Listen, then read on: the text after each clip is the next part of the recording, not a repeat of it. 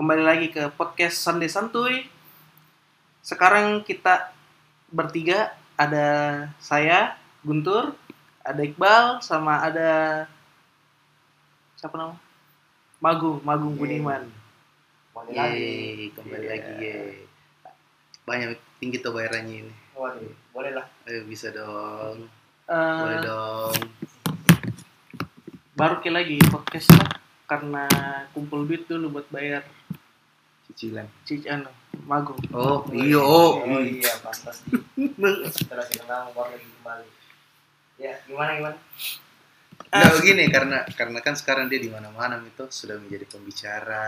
Iya. Kemarin tur di Bulukumba di Oh iya, tur. Awal bikin tur.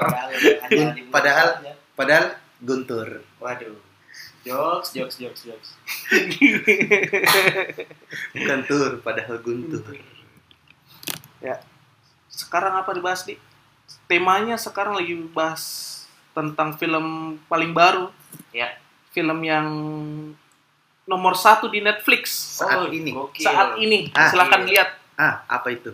penyalin cahaya. Ah, Kalau bahasa Inggrisnya fotokopier. Fotokopi ya.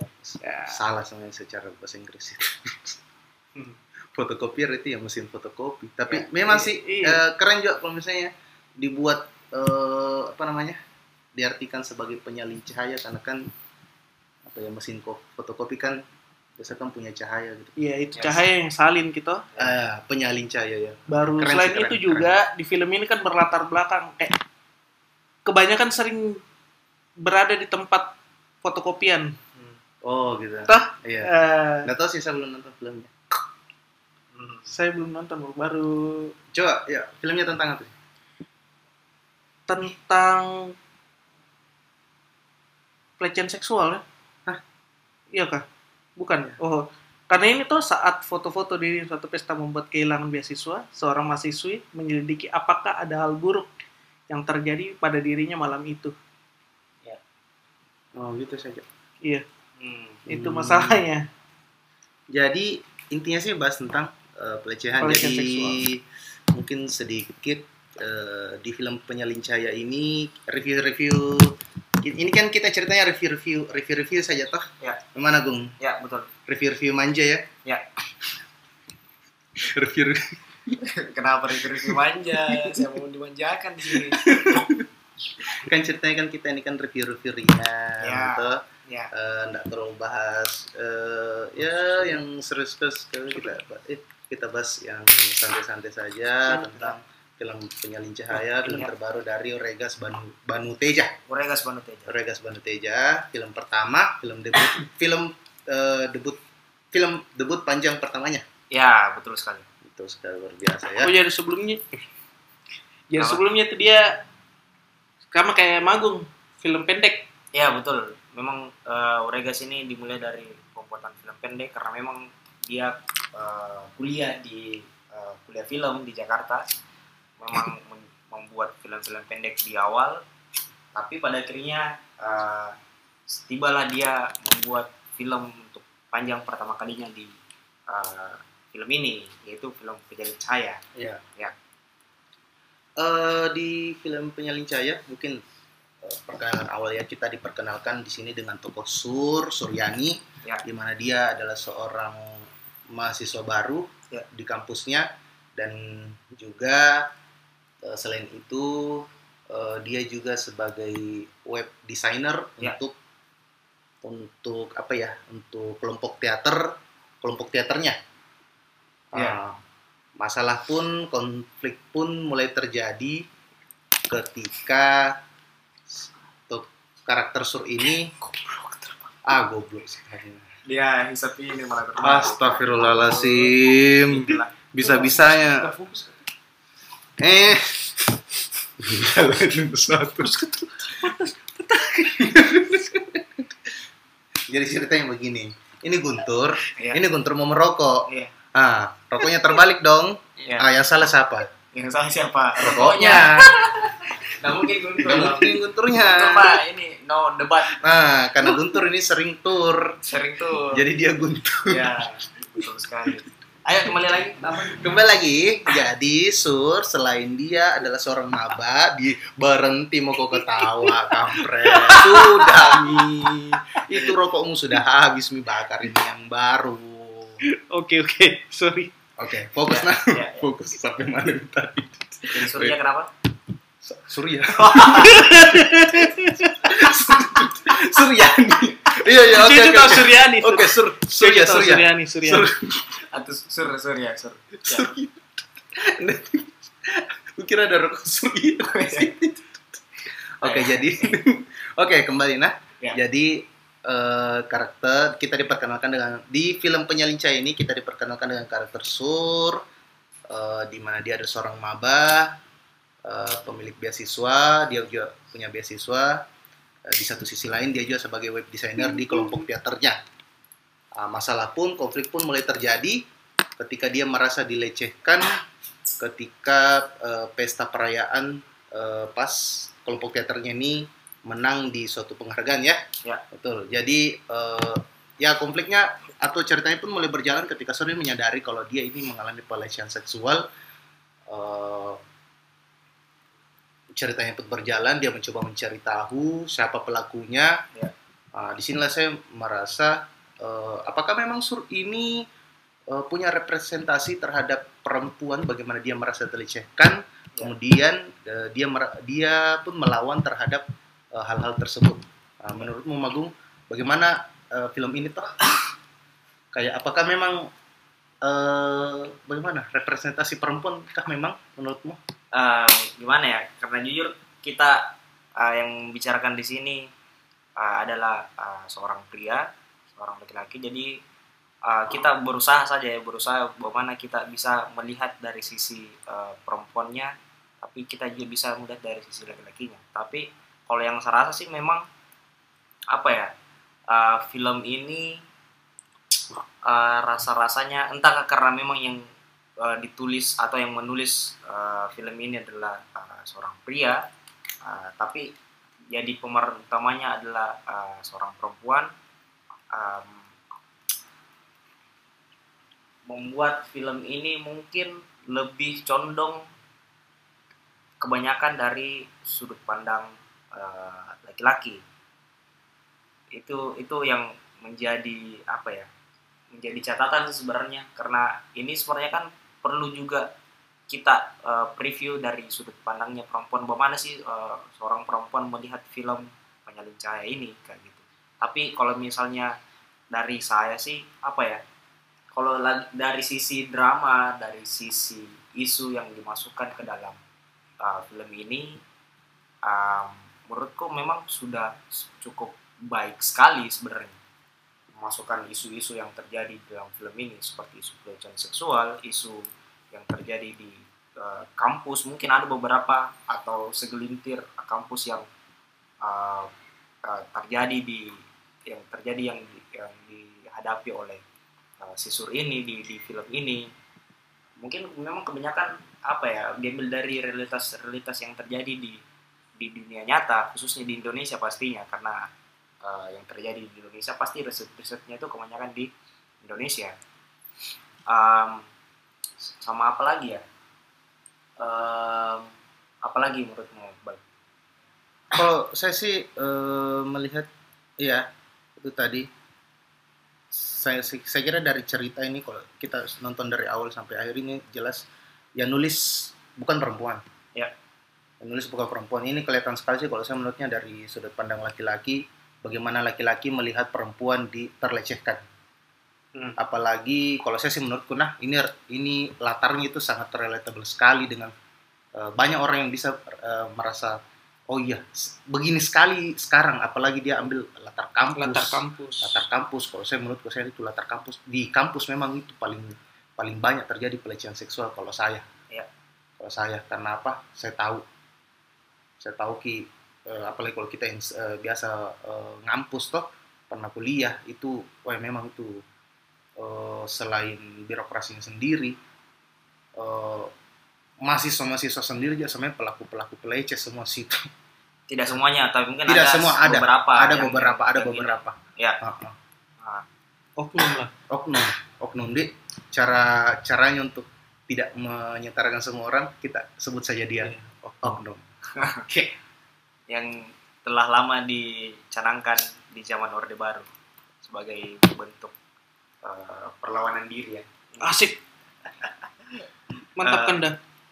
Eh, tapi sebenarnya apa ya kan tadi sempat eh, saya ngobrol saya sharing-sharing eh, tentang film penyalin cahaya ini dari sudut pandang perempuan dari kawan saya dia katanya eh, muak dan marah melihat film ini Oh, oke. itu itu itu sih yang jadi catatan makanya aku bilang mungkin ya kalau misalnya penonton penonton ini memang penonton penonton yang sangat spesifik sekali kayaknya yang eh, eh, eh, yang mampu dan bisa menonton film ini dengan apa ya eh, Sabar. dengan, dengan sabar kali ya Sabar. karena kayak begini contohnya tadi eh, ada temanku eh, perempuan dia menonton film ini dia marah menonton film ini dia jengkel dia kayak emosi kenapa film ini eh, dibuat misalnya kayak gitu. Dan mungkin ya mungkin bisa jadi gara-gara film ini ini men-trigger ke eh, orang-orang yang eh, korban pelaku eh, korban pelecehan seksual membuat dia kembali mengingat traumanya mengingat masa-masanya yang dia eh, eh, eh, yang terkena pelecehan seksual gara-gara film ini. Mungkin ya itu bisa menjadi trigger malah malah menjadi mengembalikan eh, eh, Traumanya. traumanya itu sih ketakutan ketakutan ketakutan ketakutan itu sebenarnya yang yang menjadi eh, s- apa ya mungkin bakal bisa jadi kayak menjadi berbahaya ini film mungkin bagi eh, korban Korban, gitu. Mm-mm. Eh, jangan dulu. Kalian sudah nonton kok berdua toh? Iya. Kan saya masih belum setengah toh. Ya. Nah, dari ini film yang kau nonton berdua, ke trigger kok gak? Maksudnya kayak ada kayak sisi triggeran, trigger kok gitu sebagai laki-laki nonton ini. Eh, kalau saya jujur saya sempat kak Kayak agak-agak kayak merasa, ih kenapa begini nih? Ih, Iya, gitu. iya. maksudku sempat kak rasakan ki bahwa wah sangat sangat bahaya sekali memang ini kasus-kasus eh, pelecehan seksual. Em, apa ya kita merasa merasa bisa jadi sebagai korban dan suatu waktu kita bisa Iya. menjadi korban ke depan Iya. atau malah kebalikannya suatu waktu kita bisa menjadi pelaku Pelaku. pelecehan seksual Betul, malah Betul, betul. maksudku ini di sisi lain Secara tidak sadar. Iya, makanya eh, dari dari kembali lagi ke penonton penonton film ini mau ambil dari sudut pandang mana eh, apa ya sudut pandang em, yang terjadi di film ini apakah dari sudut pandang pelakunya kah korbannya kah Hmm. atau netralnya kah itu itu sih yang jadi apa ya banyak banyak kontra sih pro dan kontra di film ini Karena saya baru kak sedikit ku nonton itu toh sudah agak-agak ke trigger sedikit nih psikologis ku asik. ya betul betul betul Kayak begitu toh. Karena nggak tahu kenapa dari waktunya saja dia sudah mulai mencari sama siapa kak pulang kemarin sudah mulai mak itu. Entah ataukah sudah terpengaruh kak sama spoiler dari kalian berdua atau bagaimana? Hmm. Pokoknya sudah mulai ke trigger itu. Sih, Makanya nggak fokus kak tadi. saya sih eh, trigger nah. Kalau apa dia susah itu menurutku saya laki-laki tuh susah sus agak saya tidak bilang semua tapi biasanya kan yang mayoritas yang menjadi pelaku pelecehan seksual ini kan perempuan Eh, mayoritas. Pelaku. Pelaku. Eh kok- sorry eh, korban. Korban korban. Korban. Eh, mayoritas korban ini pelecehan itu kan biasanya perempuan. Iya, iya. adalah laki-laki eh, adalah laki-laki. Jadi korban sekira tidak sebanyak perempuan ini tuh tapi saya rasa ada. Iya, Iya, ada, ada, ada, laki-laki ada, ada. tapi saya sih mungkin lebih relatable ke ada satu satu dua karakter yang menurutku saya relatable dengan maksudnya kita bisa kita bisa posisikan diri kita sebagai karakter itu dalam melihat bagaimana kondisi kampus dan eh, kasus-kasus pelecehannya Iya, iya. Mm-mm. Saya, saya contohnya contoh saya bisa melihat diriku dalam dalam tarik tarik meskipun dia juga di satu sisi dari luar nah tarik kan ini ceritanya dalam eh, film ini dia itu eh, dia itu eh, karakternya dia seba- sebagai pimpinan produksi dari eh, kelompok teater matahari Ya. di mana dari luar mungkin dia agak terlihat keras tegas tetapi sebenarnya dalam eh, dalam di dalamnya dia ini sebenarnya fragile sekali dan malah sebenarnya dia ini juga menjadi salah satu korban pelecehan gitu Hmm. Mm-mm. gitu dia jadi saya sih misalnya lebih ke bisa lah relatable kak dengan satu dua karakternya tapi untuk menjadi ke trigger dengan eh, apa menjadi ke trigger de- dengan korban-korban atau karakter korban di mana Sur ini menjadi karakter utama dan korban pelecehan sendiri itu apa ya susah sih susah menurutku karena apa s- mungkin kita belum pernah rasakan terus kedua memang ini film lebih diambil bagaimana laki-laki melihat perempuan dilecehkan Hmm. Ah iya. Iya. Karena kan yang tulis juga ini eh, mayoritas lagi mungkin laki-laki ya semua yang penulisnya ini film malah ada satu kemarin yang malah terkena kasus toh Kasus Ya. kasus yang kasus. seperti di filmnya. ini. malah eh, ironis sekali sama ini film karena penulisnya sendiri juga adalah pelaku jadi Ya. bisa saja ini sebenarnya film eh, penulis ini memposisikan diri sebagai pelaku Hmm. bukan bukan bukan dia bukan jadi apa karakter utama dari maksudnya penulis ini mencoba mem- memposisikan dirinya bukan sebagai korban tapi sebagai pelaku karena Iya, toh, toh, ha. toh contohnya. Toh, Dan toh bagaimana pada akhirnya alur- yang yang pelaku ini malah ketahuan toh yang malah pelaku ini si penulis itu sendiri. Ketahuan kok ternyata oh dia sebenarnya pernah gitu. Bikin kali saja- autobiografi di bikin autobiografi. Biasanya ini apa ya? Ya sangat-sangat Ironis sih. dari kisah nyata sekali ya. Ah, bisa saja dari kisah nyata sekali, bisa saja ini penulisnya malah dia dia menceritakan dirinya dalam bentuk contoh yang mungkin dalam bentuk Rama kan Rama kan dala- eh, di film ini dia yang pelaku pelecehannya bisa saja dia memposisikan diri sebagai Rama di mana dia melihat Sur, di mana dia melihat Tari, di mana dia melihat karakter-karakter lain Ya. dalam dalam cerita film ini gitu. Hmm. Saya sih begitu. Agung. Eh, ya betul sih. Dan memang ini apa ya? Film ini sangat em, mempengaruhi psikologis kita sebenarnya sih. Bagi misalnya eh, penonton-penonton yang peka eh, atau apa ya, sangat-sangat eh, berperasaan sekali. Ini sangat-sangat mengganggu sekali eh, eh, pikirannya atau psikologis psikologisnya ketika menonton film ini sebenarnya karena apa ya banyak banyak adegan banyak eh, informasi yang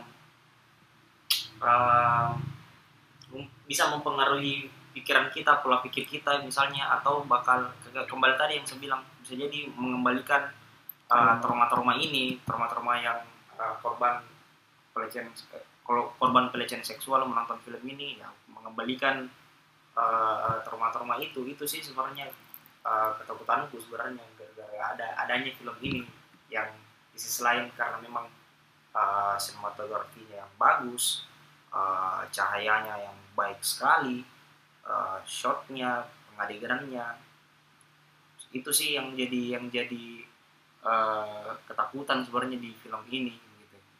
Jadi gimana ya? Tapi Ya, saya, ya, kalau saya nah, eh. bukankah menurutku itu apa ya? Eh, saya enggak mau bagaimana cara bahasakannya. Memang memang begitu yang terjadi. Ya itu sih. Uh, Memang memang itu yang terjadi di antara kita semua eh, dan kita apa? Itu terjadi. Tapi kita memilih untuk tidak bahas itu. ya ya memang memang dalam artian tuh bagus sekali untuk kemudian bilang, bilang memberikan informasi bahwa memang ini yang terjadi di sini di Indonesia misalnya tapi di sisi lain gara-gara terlalu terlalu eh, nyata sekali Kita tidak mau bahas.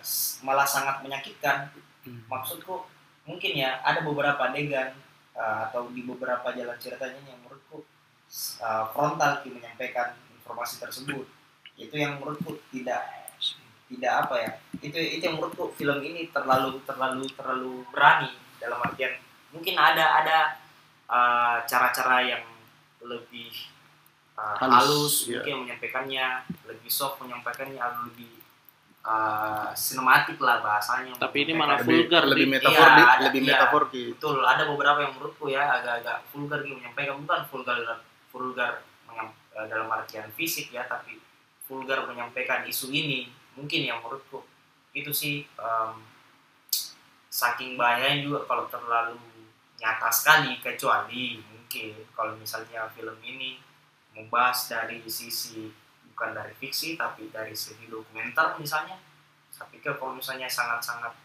uh, nyata sekali realitas sekali atau sangat frontal sekali menyampaikan itu di film dokumenter nah, mungkin ya Mungkin it's okay is okay, is okay ya. it's okay karena Ah. memang nyata Nyata, itu kejadian ya asli. kejadian asli tapi ketika dibuat ke dalam fiksi uh, uh, ada pemeran yang lain dibuat sedemikian rupa biar cantik dan indah saya pikir harus menyampaikannya itu pun juga lebih indah ya betul. Nah, ini ada pertanyaanku, Magung toh.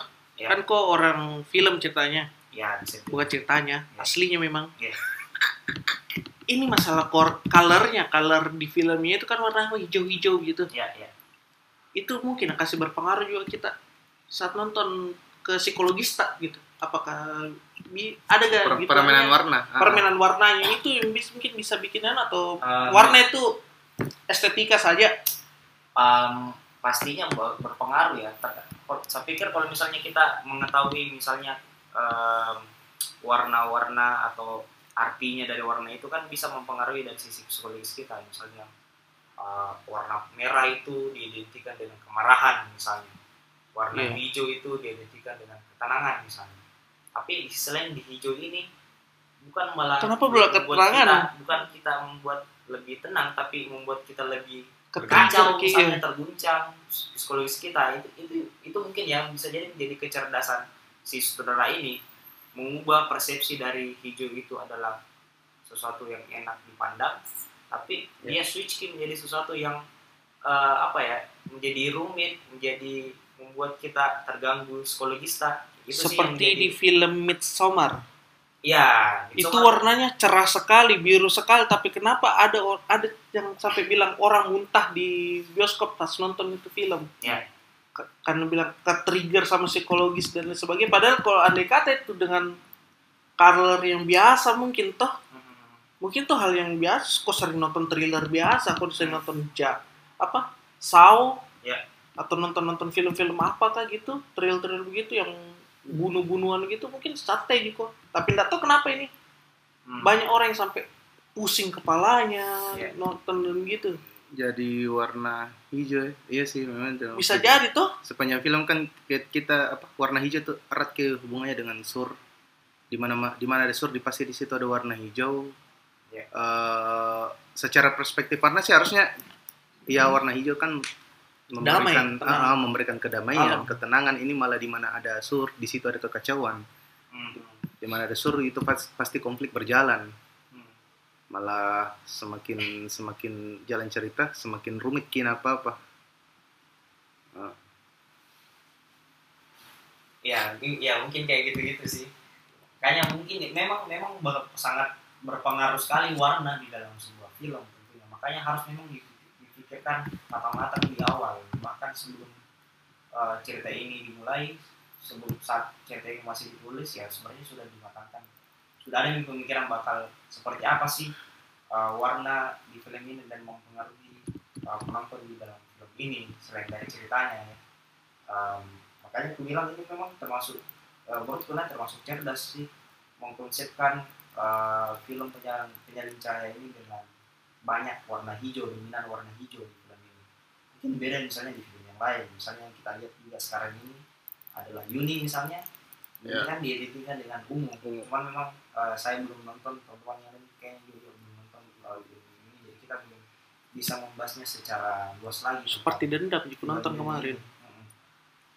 Karena ini saya, saya lihat di, di, diidentikan dengan warna ungu, jadi cahaya diidentikan dengan warna hijau. Itu sih yang pengaruh-pengaruh seperti itu kayaknya uh, apa ya berpengaruh sih pastinya dari uh, segi uh, psikologis ya. Mungkin jadi kayak gitu.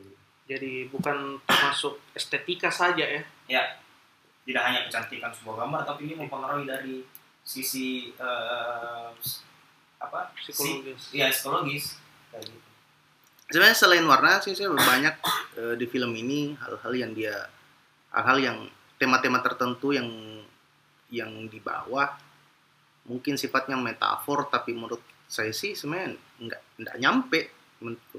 contoh ya pertama yang ambil settingan demam berdarah Ya. kemudian eh, apa, eh, mengusir nyamuk Aedes aegypti. Ada ya. salah satu relevansinya itu dalam cerita. Oh, kalau saya sih ya, antara hubungannya DBD dengan film ini itu ya cuma eh, bagaimana Amin terpaksa harus menjual foto-foto apa ya, foto-foto dewasa or, perempuan-perempuan di kampus demi membiayai adiknya.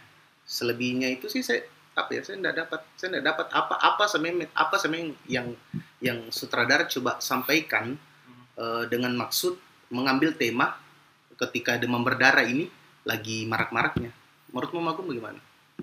Eh, ya itu sih apa ya eh, logika logika cerita itu mungkin entahkah gara-gara eh, gara-gara harus ada eh, demam berdarah fog- fog yang mempengaruhi semua jalan cerita yang tiga tiga m itu apa lagi Menutup, menguras, mengubur. ya yang itu yang mempengaruhi eh, isu pelecehan seksual ini yang Oh. sengaja dimasukkan eh, apa ya untuk kasih bahasanya apa ya eh, cocologi mungkin Eh, mungkin ya. cocologinya dia. eh, cocologinya oke, biar oke. biar saling saling terhubung satu sama lain tapi di selain itu sih sempat gak berpikiran soal pekerjaannya si Suri ini yang eh, mengerjakan eh, web web web desainernya eh, teater teater, Teater matahari matahari. Ah, ah. itu sih sempat gak kepikiran em, ya kalau misalnya di tahun itu em, masuk akal nggak sih misalnya karena yang terjadi di DVD dulu kan itu isu-isunya di tahun 2000-an kan. 2000-an, 2006. yang 2006. di mana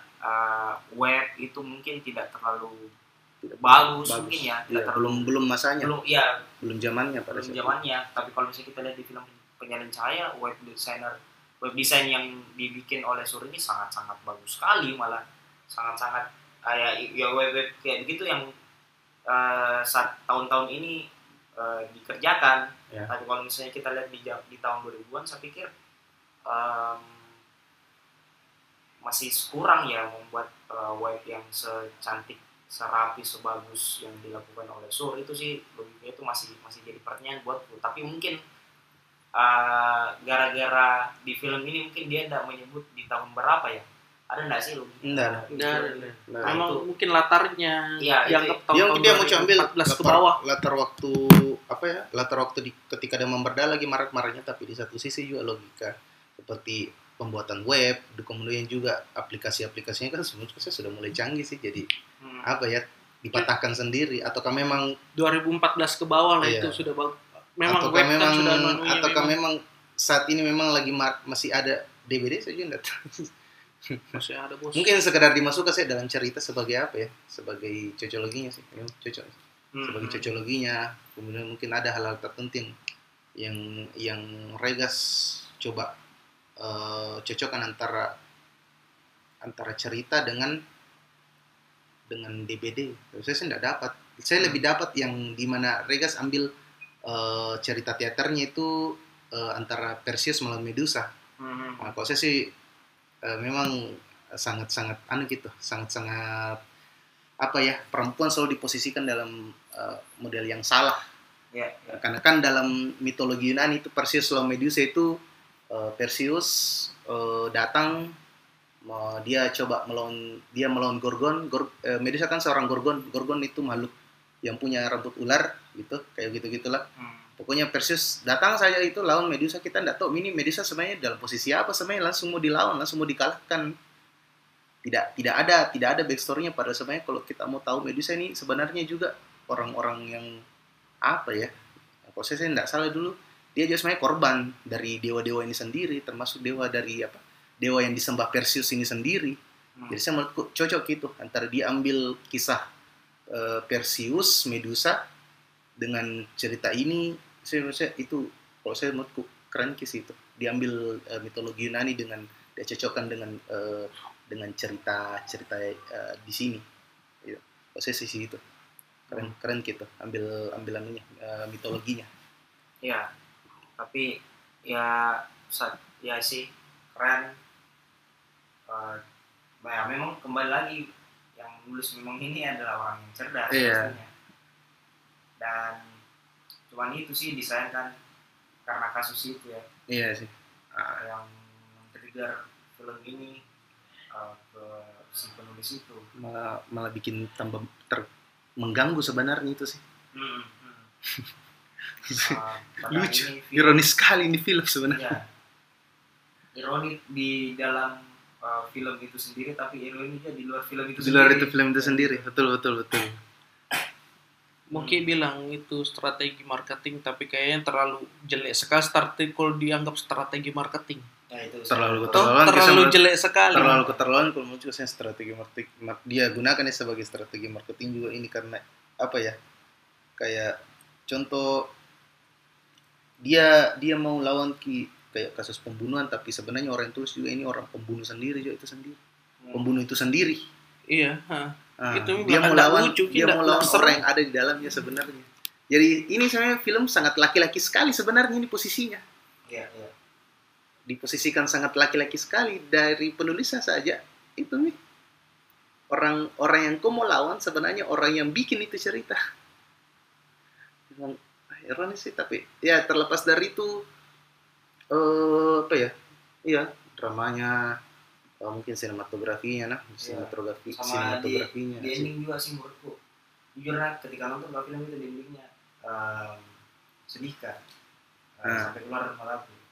asik Saat saat uh, mereka bawa itu uh, mesin fotokopi naik ke atas ke lantai paling atas ke rooftopnya kampus Ah. terus dia print itu uh, informasi-informasi yang terkait sama uh, pelecehan seksual yang dialami oleh mahasiswa-mahasiswa. Dia sebar ke itu selebaran-selebaran kertas setiap di kopi terus disebar ke uh, apa namanya ke bawah.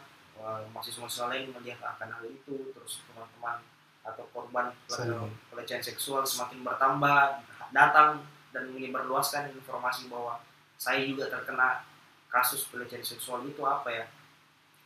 Maksudku em, kayak ini nih cara cara cara terakhirku eh, sebagai korban hanya ini bisa kulakukan karena mungkin kemarin yang kasus yang apa informasi sebelumnya kan sudah ada nih bukti-bukti yang banyak sudah ada bukti-bukti video Ah, ah, uh, yang bisa menjerat si pelaku si itu. pelaku Ah, ah. Tapi sayangnya gara-gara ada uh, kejadian yang tiba-tiba datang fogging, terus akhirnya disekap, uh, Iya, apa di di di ya mau dicoba di di ya Di bius. di bios, di bius di bius di bios, akhirnya uh, si Rama itu ambil HP yang ada nih bukti-bukti video dirinya.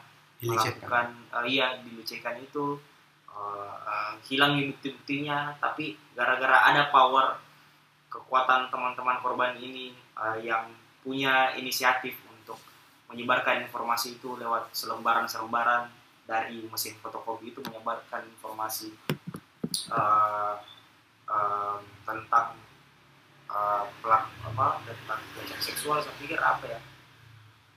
Uh, kayak dan ini ini cara terakhirku ya terlepas misalnya kasus ini um, bisa diselesaikan atau tidak setidaknya ini usaha terakhirku gitu. itu menurutku apa di keren sekali sih uh, kekuatannya teman-teman korban ini kayak gitu apakah Itu yang memang bikin kak bikin kak sedih. Terharu ku memang. apakah memang ya. maksudku saya begini dan sesaka malah sesaka memang itu yang itu yang terjadi sekarang Ya.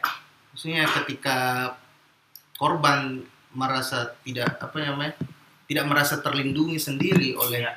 oleh oleh birokrat oleh aparat eh, ya satu-satunya cara ya kita kita menyebarkan sendiri cerita itu karena kan memang yang terjadi sekarang begitu Bisa Iya. jadi itu kita kita merasa tidak terlindungi begitu dengan orang yang harusnya harus orang yang harusnya memberikan kita perlindungan Iya.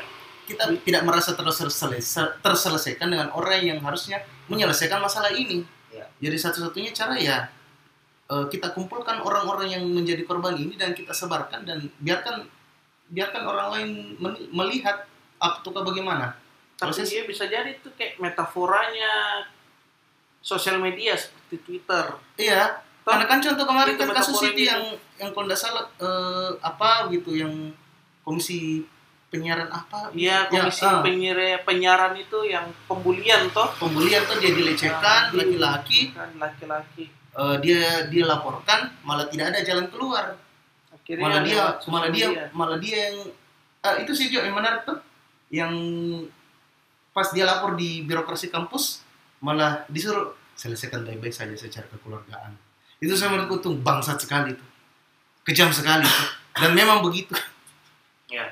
dan memang begitu ada menjaga nama baik kampus ya. menjaga nama baik kampus bilang bangsat ini memang sih begini sekali sih, tapi Iya, tapi, anjing iya, tapi sampai sekarang itu saya memang agak bingung sama istilah menjaga nama baik.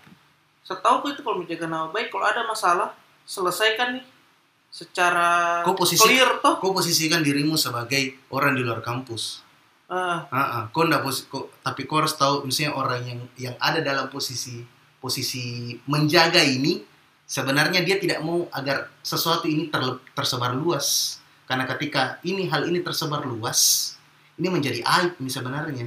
Ah, ini tersebar luas, tapi kalau ini tersebar luas dan terselesaikan, masa bisa jadi aib? itu cocok nih makanya dia mencoba untuk selesaikan di sini saja. Bagaimana kalau kau misalnya tuh ada ada ada masalahmu dengan orang ini dengan orang anggaplah tuh dengan magung toh kalau Magung bilang ayo selesaikan di ayo selesaikan di kantor polisi, tapi kau kan bilang supaya tidak panjang ini masalah, selesaikan secara kekeluargaan saja. Begitu. Lebih ke begitu ya maksudnya enggak, supaya tidak panjang gini masalah.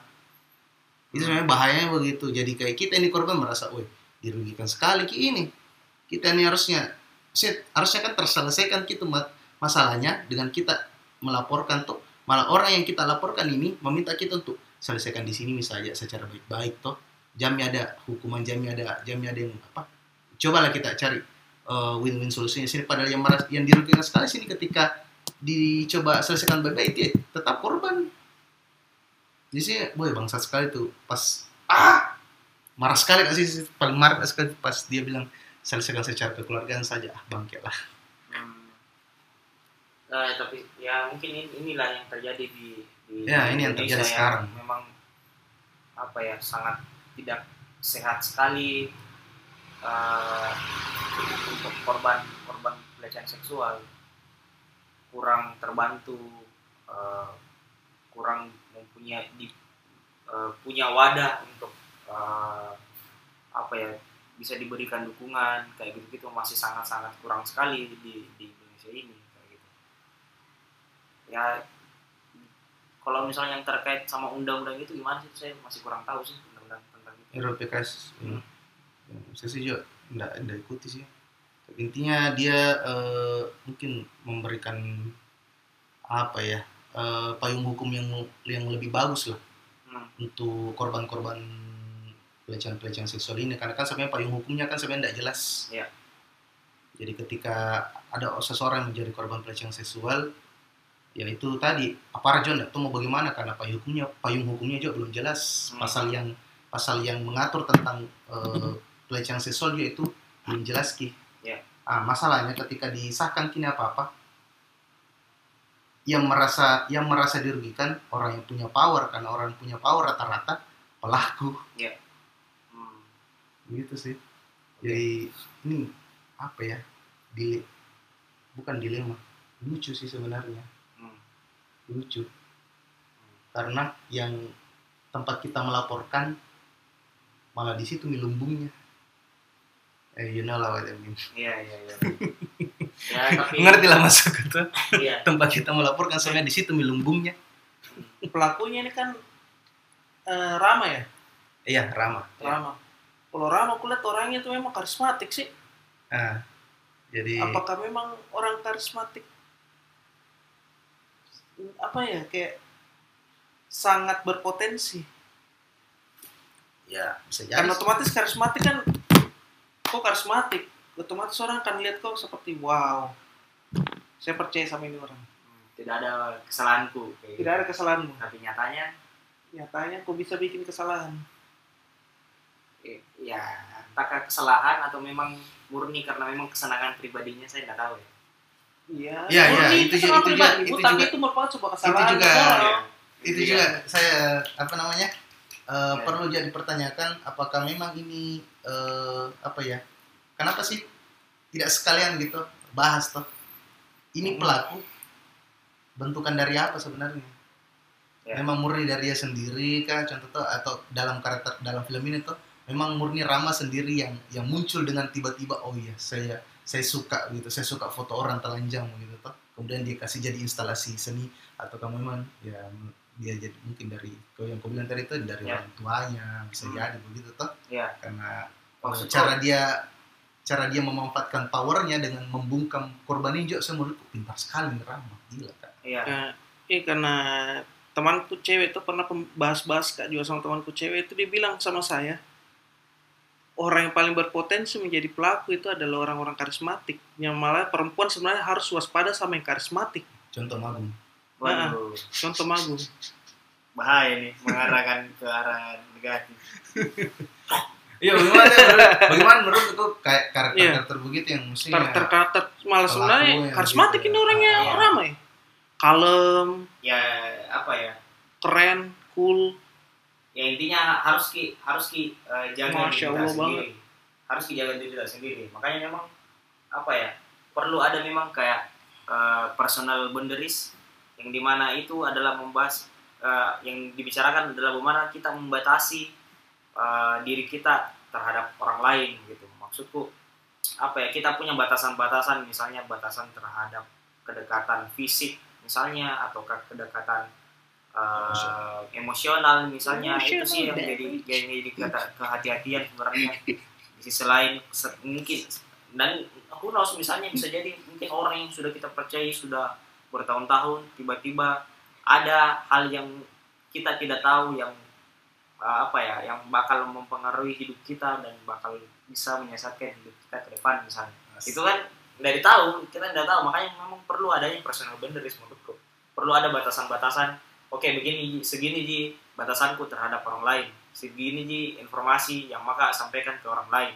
Takutnya hal-hal itu bisa mempengaruhi ke depan bisa menjadi bumerang ke depan buat diri kita sendiri kayak gitu nah makanya gara-gara adanya personal boundaries adanya batasan-batasan itu setidaknya bisa mengurangi eh, eh, eh, eh, misalnya contoh kasus eh, pelecehan seksual yang terjadi di kita misalnya. Iya iya. Atau yang terjadi di orang lain misalnya. Jadi maksudku saya ini personal boundaries uh, tidak hanya diperuntukkan untuk uh, korban-korban pelecehan seksual, tapi juga orang-orang yang orang-orang yang lain untuk Hmm. menjaga itu kayak gitu-gitu.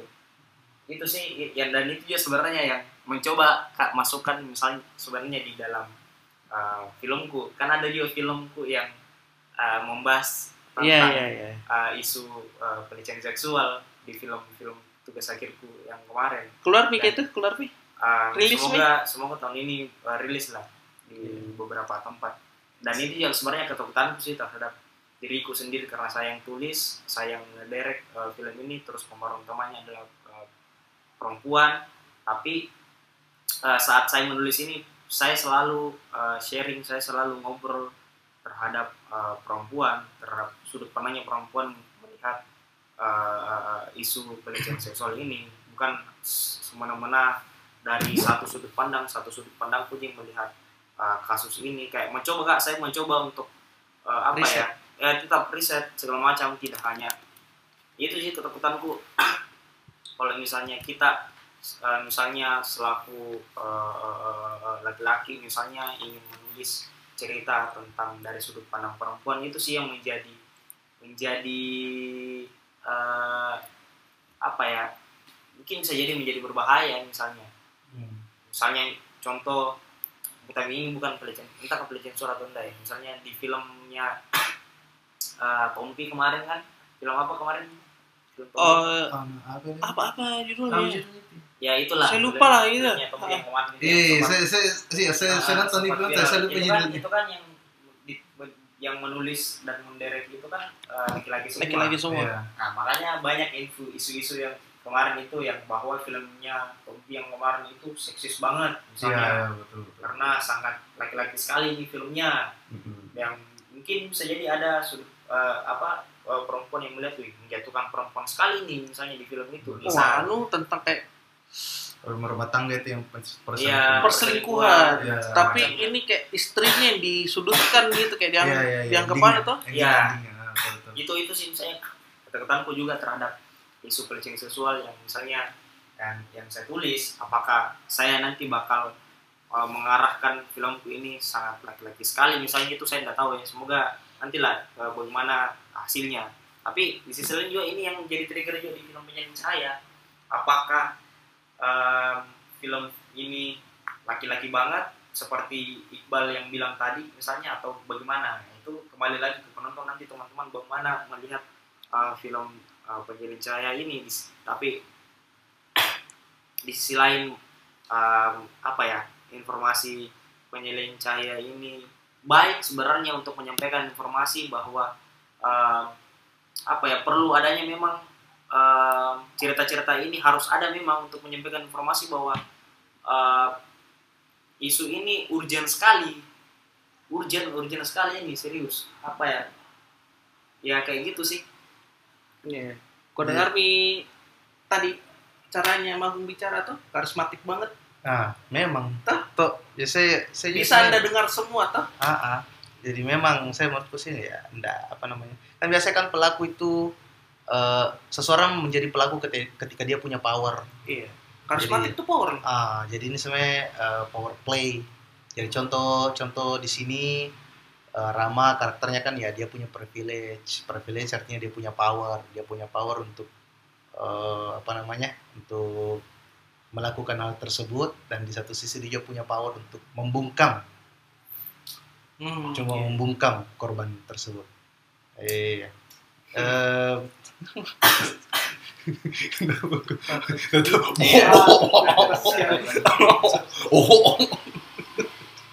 Ya mungkin begitu sih bahwa memang isu seperti ini tidak bakal mati.